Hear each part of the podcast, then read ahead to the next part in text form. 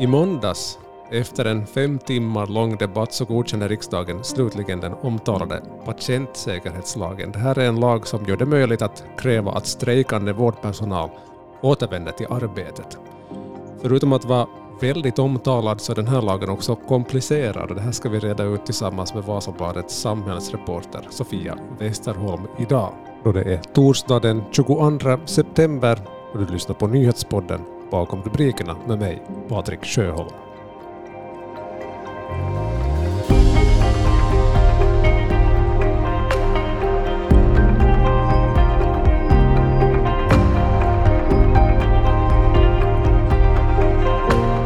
Sofia, den här patientsäkerhetslagen den har på sistone varit omtalad och den röstades igenom i måndags och trädde i kraft genast på tisdag. Vad, vad grundar sig hela den här diskussionen om lagens vara eller inte vara på?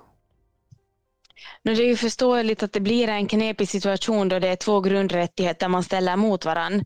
Vi vet att vi har en rätt att strejka, att visa sitt missnöje i arbetslivet. Det hör till vårdpersonalens grundrättigheter. Men sen har vi också en grundrättighet att få vård när vi är sjuka. Så det, det är ju som att oberoende av vad, vad beslutsfattare väljer så måste man ta part på sätt och vis för någondera. Och det är ju kanske det som, som har gjort den här frågan så himla himla svår. Och de som följt podden här längre så kanske minns att du och jag Patrik satt och snackade lite samma ämne i våras. Mm. Då var den här lagen också uppe på tapeten i lite annorlunda form.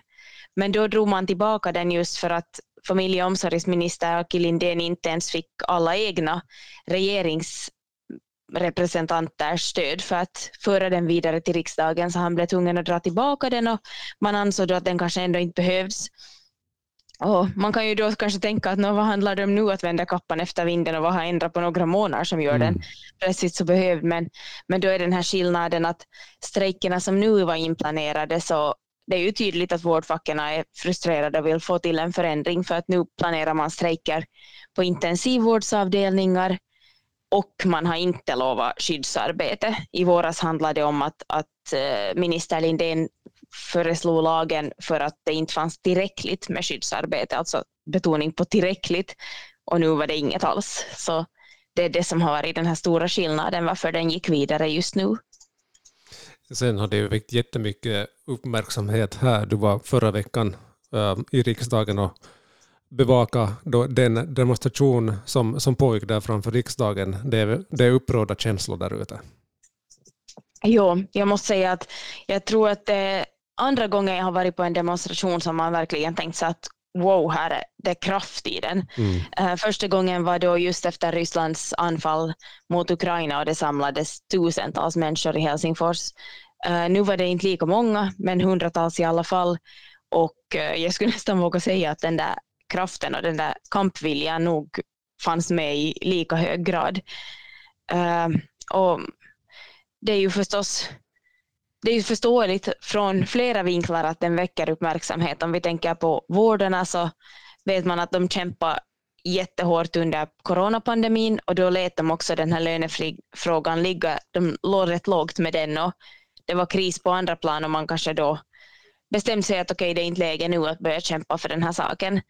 Så då har man ju kanske hoppats på en lite annat än, än en sån här lag efteråt. Det, det är ju förståeligt att det kanske känns lite som att man skulle försöka ta sig upp för Mount Everest med bakhala skidor och när man kommer till toppen så får man veta att finländare inte är välkomna utan får åka ner tillbaks. Mm. Så det är ju liksom, men sen igen tänker vi från beslutsfattarnas synvinkel så, så är det ju nog ingen rolig lag att stifta heller. Att jag har också följt de här debatterna i plenisalen och, och det är i flera anföranden som det har nämnts, både inom regering och opposition, att det här är en av de svåraste frågorna att ta ställning till under hela valperioden. Ja, precis. Det, här, det visar sig bli en svår, svår nöt att knäcka för, för regeringen det här också, i synnerhet bland Vänsterförbundet så höll inte de egna leden. Var det väntat att det skulle bli så? Uh, dels jo, samtidigt som det, vi såg ju redan när frågan diskuterades i regeringen att det här blir svårt för Vänsterförbundet och det var man tydlig med. Sen blev det ju kanske aningen komiskt att då när regeringen ändå slutligen enades kring lagen så, så var då Vänsterförbundets två ministrar i princip ställde sig bakom regeringens lagförslag, ja. Men samtidigt så sa direkt Vänsterförbundets riksdagsgrupp att vi kan inte godkänna den i den här formen. Så samtidigt som ministrarna, som i egenskap av minister stod man bakom lagförslaget, men i egenskap av riksdagsledamot så ingick man i en grupp som inte godkände. Ja. Så det är lite så att, vad tycker kan det bli råddigare? Ja, precis. Ja. Men så såg vi då omröstningen i, i måndags och där har ju riksdagsledamöterna möjlighet att rösta för, emot eller blankt, eller sen är man då frånvarande. Och där såg vi att fem riksdags Vänsterförbundets ledamöter valde att rösta emot. Och det är ju i princip, även om en riksdagsledamot alltid har rätt att rösta fritt vad man vill, så heter det att man ska rösta enligt vad rätt och sanning bjuder. Och i princip för att undvika kaos så handlar det om att man ska rösta enligt vad, ens, vad gruppen röstar. Uh, vad det här kommer att betyda för de här fem ledamöterna klarnar på torsdag, alltså idag om du hör det när, när podden läggs ut. Uh, för då kommer Vänsterförbundets riksdagsgrupp att mötas och också bestämma om ett så kallat straff för de här ah. ledamöterna. Okej. Okay. Ja, just det. Den där biten hade jag helt missat. Vad, alltså, vad innebär det där straffet då i så fall? Uh, det är väldigt oklart. Det är helt vad riksdagsgruppen går, bestämmer sig för att, att hur man då kommer man att inleda någon, några vidare åtgärder eller handlar det mer om att man pratar om någon varning eller så? Mm. Men det är ju kanske också värt att nämna att det, det har diskuterats mycket att det var svårt för Vänsterförbundet. Men samtidigt så såg vi också att när omröstningen skedde i måndag så var det 109 av 200 ledamöter som röstade för förslaget, 38 emot och fem av dem då vänsterförbundare, resten sannfinländare och kristdemokrater, alltså oppositionsmedlemmar. 51 eh, av 200 var frånvarande och ja. 31 av dem var regeringsledamöter. Ja. Så bland annat både Centerns minister Annika Saarikko och Centerns minister Mika Lintilä så var inte alls där och rösta. Mm. Så att, såklart kan man ha ett förhinder men det skulle inte heller vara första gången vi i riksdagen ser det att man helt enkelt stannar borta för det är lättare än att, att ja. ha röstat ja, eller emot. Så det någon, kanske inte var så, så enkel fråga för, för alla partier alls. Någon, jag tror det var på Twitter, var någon som lite raljerade kring det där att, att ja, man i riksdagen stiftar en lag som kan kalla vårdpersonal på jobb, men, men man far inte själv till, till riksdagen och röstar i, i omröstningen. Det blir lite komiskt att det är på det viset. Precis, speciellt när det handlar om just en sån här fråga. Ja. om, vi, om vi lite ser på den här själva patientsäkerhetslagen som det så fint heter. Vad, vad, vad säger liksom förespråkarna respektive kritikerna om den här lagen? Uh, regeringspartierna har ju lyft fram det här att, att man helt enkelt inte har haft andra val. Att det är regeringens ansvar att patienters liv inte får hotas och att, att det ska finnas sjukvård och hälsovård för medborgarna. Och uh, därför har man varit tvungen att stifta en sån här lag. Eh, jag tror att social och hälsovårdsutskottets ordförande Markus Lohi, som då är centerpartist, alltså regeringsmedlem, så, så han betonade också tydligt under den här debatten i måndags att skulle det ha erbjudits tillräckligt skyddsarbete så skulle den här lagen inte vara här. Så, men det betonas också tydligt i lagtexten att den är inte till för att hindra strejker utan att den då är till för att trygga patienternas liv och hälsa. Så förespråkarna som kanske inte, som vi ju då diskuterar med det här med omröstningen, förespråkare kanske inte helt förespråkare mm. men lite illa tvungna till vara det också.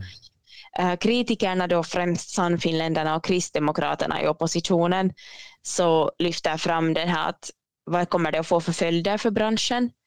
Uh, hur känns det? Vårdarna har, flera vårdare har gått ut på sociala medier och berättat att man känner sig väldigt kränkt.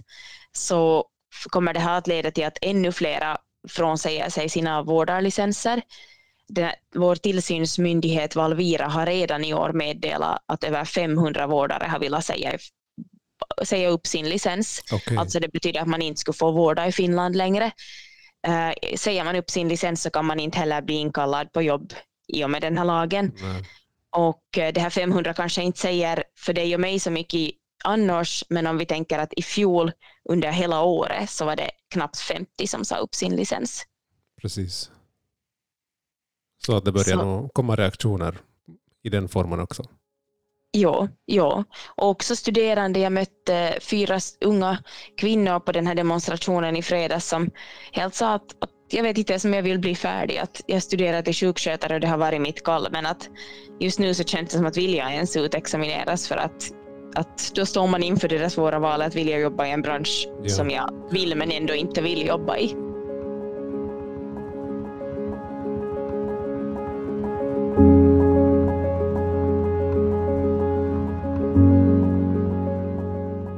Behovet av journalistik är starkare än någonsin. Vi här på Vasabladet gör vårt bästa varje dag för att du ska kunna ta del av det som händer lokalt, regionalt, nationellt och internationellt. Att prenumerera på Vasabladet är det bästa sättet att stödja vårt arbete så att vi kan fortsätta bevaka händelser och skeenden i samhället. Vasabladets nyheter hittar du bland annat i Vasabladets nyhetsapp och på vasabladet.fi Följ oss gärna på sociala medier, på Instagram, Facebook och Twitter. Tack för att just du stöder vår journalistik.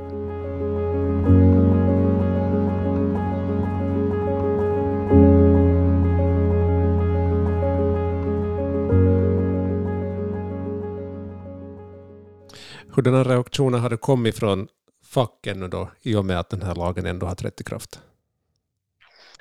Ja, no, om vi återgår till det jag sa om att, att jag aldrig varit på en demonstration med så mycket frustration och, ja. och kampvilja så säger ju en hel del också om fackernas reaktioner.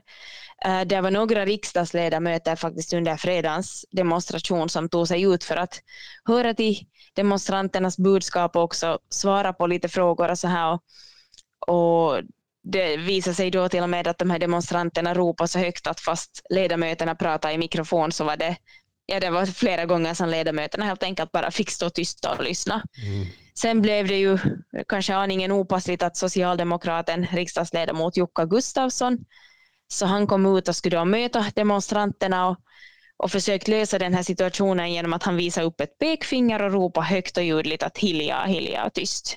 Okay. Och, och det var ju kanske inte heller den, det bästa sättet då att, att bemöta demonstranter i ett sådant läge. Det ledde ju kanske till ytterligare frustration. Ja. Så jag tror att de här, det har säkert inte gått någon förbi att facken har hotat med massuppsägningar sedan i våras och jag tror att, att onekligen så ledde den här lagen och, och det här kanske hela situationen som vi just nu befinner oss i, att, att massuppsägningarna är flera steg närmare.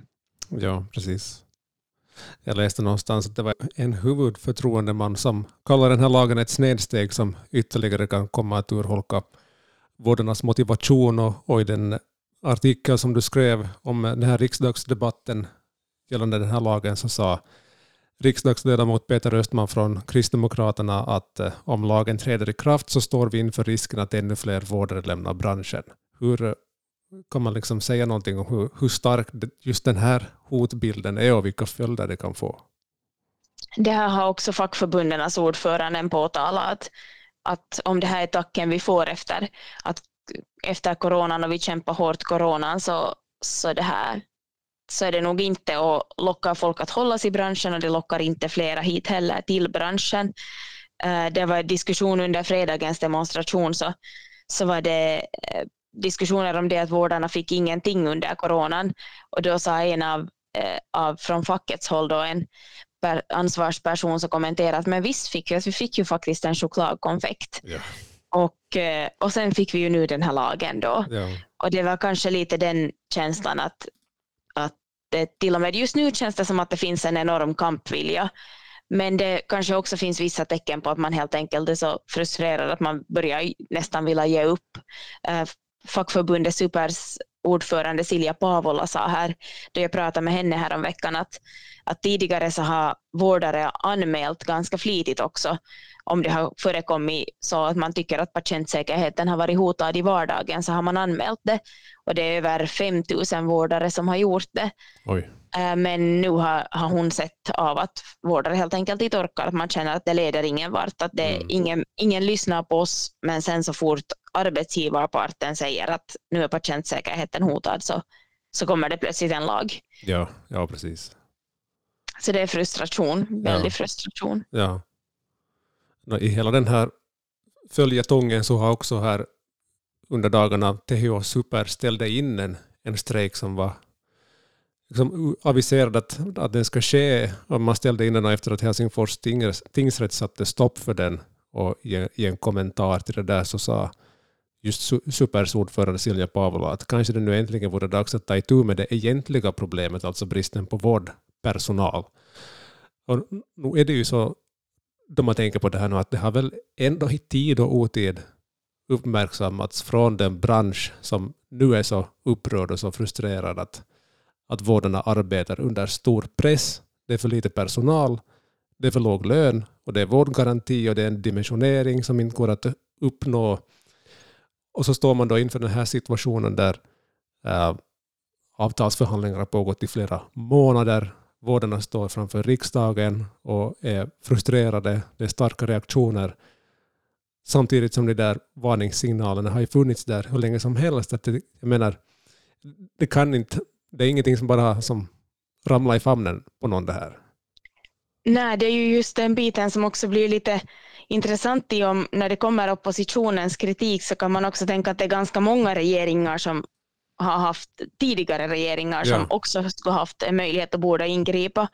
Och eh, det är ju det är kanske det att man förstår det som gemene man, du och jag som inte jobbar inom vården, så förstår det först då vi själva blir i en situation där vi inser att nu får jag inte vård eller nu får mina närstående inte den vård de borde för att det helt enkelt inte finns personal. Det är så lätt att man läser kanske en rubrik här och där och man tänker att ja, det gud vad hemskt att jobba så där långa pass eller att ha, ha så där stressigt. Men, men sen då man själv är i situationen förstås så blir det ju mer påtagligt. Ja. Att, jag vet inte, har du själv varit i en, en liknande situation? Då har man ju varit i någon situation där man har liksom suttit på på akuten till exempel och, och väntat på att få vård, att den här väntetiden där har varit jättelänge eh, man har suttit och väntat på sin tur. Eh, det kan ju bero på flera olika orsaker också, liksom vad det är för typ av fall man har just då, men, men snarare så tänker jag kanske sådär att, att man har kanske en viss oro för att vad om jag skulle bli sjuk, liksom, om jag skulle behöva vård ganska, ganska så omedelbart eller, eller någon i ens närhet skulle behöva det, att finns det då, finns det då risk för att den personen kanske inte får vård. Vet du, att man är så orolig för att, att det, skulle kunna, det här skulle kunna ta den utvecklingen. Att, att man, det på riktigt blir fara för, för ens liksom, säkerheten och, och hälsan. Mm, absolut. Jo, för mig blev det kanske tydligt, speciellt då i, i våras när min egen mormor dog på ett äldreboende och, och då vi sen då följande dag fick veta om det så var det en vårdare som var väldigt ledsen och bad massor om ursäkt att, att min mormor hade dött ensam. Och hon förklarade då att, att det fanns ingen möjlighet att sitta bredvid henne, att även om vi visste att det var de sista timmarna så kunde ingen vaka vid hennes sida för att då skulle vi ha, ha istället då äventyra alla andra patienter eller alla andra äldres ja. liv. Och, och det är ju förstås, då kanske det blir påtagligt om man, man kanske förstår det på ett annat vis om man tänker att, att dagligen i sitt arbetsliv vara tvungen att stå inför sådana här val, att ja. prioritera vems liv ska vara viktigare och, och så. Eh, men samtidigt så förstår man ju också att det är ingen enkel fråga att lösa. Det är inget som någon löser över en natt. Att även om, om vi nu skulle få till ett avtal, eller vi, vi gör ju ingenting för den biten, men, men om fackförbunden och, och arbetsgivarparten skulle få till ett avtal som vårdpersonalen kan vara nöjda med och tänka att den här löneförhöjningen känns okej, okay, så betyder det ju inte att vi får de tusentals vårdare vi kommer att behöva de kommande åren. Nej. De hittar vi inte över en natt. Nej. Så det är ju en, en väldigt lång problematik som vi har framför oss. Och så för att krydda det ännu med det så har vi den åldrande befolkningen som gör att det kommer behövas bara mer och mer och mer vård framöver. Ja, ja det är ingen ekvation som, som är lätt att lösa så som läget är just nu. Nej, verkligen inte. De här förhandlingarna som du var inne på mellan vårdfacken och arbetsgivarna, ja, de har hållit på ända sedan januari, februari där någon gång och fortsätter att trampa vatten. Det har inte lett någon vart eh, hittills i alla fall. Um, vårdfacken har gått ut med liksom i, i, i svallvågorna av, av den här patientsäkerhetslagen att, att man då har börjat prata om massuppsägningar. Det här är någonting som låter väldigt allvarligt. Vet man någonting mer om det här? Äh, uh, no, det som jag tycker har varit ännu mer sådär gjort att det känns allvarligt i det att fackförbunden har varit väldigt tysta kring det. Att, eller jo, man har berättat att vi kommer att, att förverkliga de här massuppsägningarna, men man är väldigt kortfattad kring alla frågor jag har ställt kring att hur många är villiga att gå med på det här, hur, hur många vårdare kan det handla om, så allt det säger man att vi återkommer sen när de blir aktuella. Okay. Så, så det här det känns som att man kanske inte vill ge ut allt för mycket heller, utan ha kvar det här hotet så att säga. Uh, Helsingin Sanomat gjorde faktiskt förra veckan en undersökning bland vårdpersonalen och då var det rent av över hälften som sa att de skulle vara villiga att säga upp sig Oj. om det inte går igenom de här egna kraven. Så det här, ja, jag tror att som jag nämnt här tidigare att den här lagen kanske nog, den var oundviklig enligt många, men den kan också nog enligt många har lett till att massuppsägningarna har tagit flera steg närmare. Mm. Du, du har följt eh, den här debatten, följt vårdarnas situation under en, under en längre tid nu. Vad, vad är liksom din bedömning av, av röster du hör, ja, åsikter, den här frustrationen som, som vi har pratat om här? Att, kan man liksom på något vis se någon utveckling i hur den här kom, frågan kommer att gå framåt? Eh, uh, no, en intressant grej som jag själv upplever så här i min omgivning att kanske i våras så var det ännu ett starkt stöd så i allmänhet när man pratar om att, att vårdarna klart de har rätt att strejka och, och så här att, uh, att de måste ju få en skälig lön. Visst hör man de diskussionerna ännu men på något vis känner jag personligen att när det blev tal om att strejka på intensivvårdsavdelningar och så här, att det kanske lite har ändrat fokus till att mera att, att klart att patienters liv ska skyddas. Uh, men jag tror att det här är en fråga vi kommer att diskutera länge. Mm. Att som, även om vi då får till det här avtalet så kommer den här frågan att, att vara på tapeten väldigt länge för att det som, som vi konstaterar så är det ingenting man löser över en natt. Så Nej, precis. Och vi har ju inom eh, ett halvår ungefär, ungefär så har vi ett riksdagsval på kommande och så här lämpligt inför det så, så seglar ju vården upp som en självklar fråga in, inför det valet, eller hur? Jo, jag tror definitivt att vi kommer att snacka en hel del vård inför valet. Att om vi tänker att Sverige nu, när de gick till riksdagsval så var det kriminalitet och säkerhet, så tror jag nog att vården kommer att vara väldigt högt på tapeten här. Eh, lyssnar man på de löften som redan nu har hörts från partiernas håll så, så borde det nog vara till en stor till och med fördel för vårdpersonalen att det blir en stor valfråga. Men då är det ju det viktiga också att löftena ska förverkligas för att det ska vara till fördel. Så jag tror att vi har spännande månader framför oss. Både, både vi som är politikintresserade och också all vårdpersonal. Garanterat. Mer om läget inom vården och avtalsförhandlingarna det kan man läsa om mer om på vasabladet.fi. Tack ska du ha, Sofia. Tusen tack. Innan jag säger tack och hej så ska jag påminna om en liten grej för dig som lyssnar. Det är faktiskt så att eh, du som inte är prenumerant så kan få möjlighet att prova på Vasabladet en månad för endast en euro. Det ger dig tillgång till allt innehåll på nyhetssajt och i VBL-appen. Allt du behöver göra är att söka dig till vbl.fi podd. vbl.fi podd. Där samlar jag också alla artiklar som är relevanta för dig som kanske vill läsa på ännu mer om de ämnen som diskuteras här i podden. Det här var allt för den här veckan. Hoppas att du fortsätter lyssna på podden och följ den där poddar finns. Ha det gott!